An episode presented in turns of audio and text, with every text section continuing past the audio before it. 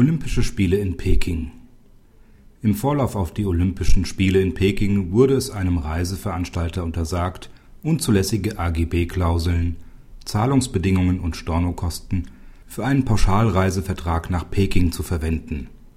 Dass aber auch verschiedene Rechte des Sportlers im Zusammenhang mit den Olympischen Spielen verletzt werden können, zeigt der Stuttgarter Rechtsanwalt Dr. Marius Preuker, Sportrechtler von der Kanzlei Wüterich und Preuker, in unserem Interview. Dürfen Vereine der Fußball-Bundesliga ihren Spielern wie Diego, Raffina oder Obasi die Teilnahme in Peking verweigern? Also eine Abstellpflicht der Vereine besteht nur, wenn diese Veranstaltung, hier das Olympische Männerturnier im koordinierten internationalen Spielkalender der FIFA aufgeführt ist oder wenn eben ein entsprechender dahingehender Beschluss des FIFA-Exekutivkomitees besteht. Beides ist nicht der Fall und folgerichtig hat auch der Internationale Sportschiedsgerichtshof in Lausanne, der CAS, entschieden, dass die Vereine die Spieler nicht abstellen müssen. Hat der Sportler, der die vom Verband geforderten Nominierungsvoraussetzungen erfüllt, einen Nominierungsanspruch? Hier muss man zwischen dem Vorschlag durch den Fachverband und der eigentlichen Nominierung durch den Deutschen Olympischen Sportbund unterscheiden. Aus der mit dem Verband bestehenden Athletenvereinbarung hat der Sportler dann, wenn er die dortigen Nominierungsvoraussetzungen erfüllt, auch einen Anspruch darauf, vorgeschlagen zu werden. Die eigentliche Nominierung obliegt dann dem Deutschen Olympischen Sportbund der ist aber seinerseits ebenfalls an die Nominierungsrichtlinien gebunden, weil er diese regelmäßig mit den Fachverbänden vorher abgestimmt hat. Sollte, was eigentlich nicht mehr Standard ist, eine ausdrückliche vertragliche Regelung fehlen, so hätte der Sportler aufgrund der gängigen Praxis der Verbände einen Anspruch, der sich mit dem Anspruch vergleichen lässt, den wir aus dem Verwaltungsrecht, aus der Selbstbindung der Verwaltung kennen.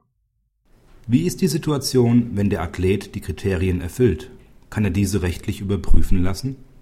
Hier ist wieder zu unterscheiden, soweit Verband und Sportler eine Schiedsvereinbarung getroffen haben, dann kann der Sportler, wie das auch jüngst im Fall des Dreispringers Friedeck geschehen ist, das deutsche Sportschiedsgericht anrufen. Fehlt eine solche Schiedsvereinbarung, wie das etwa im Verhältnis zwischen dem Athleten und dem Deutschen Olympischen Sportbund der Fall ist, so kann der Sportler vor die ordentlichen Gerichte ziehen. Ein Schwimmer wurde für die Wettkämpfe nominiert und trägt zur Vorbereitung auf seinen Wettkampf einen orangefarbenen Bademantel, um gegen die chinesische Tibet-Politik zu protestieren. Kann er sich gegen den folgenden Ausschluss aus der Olympiamannschaft wehren?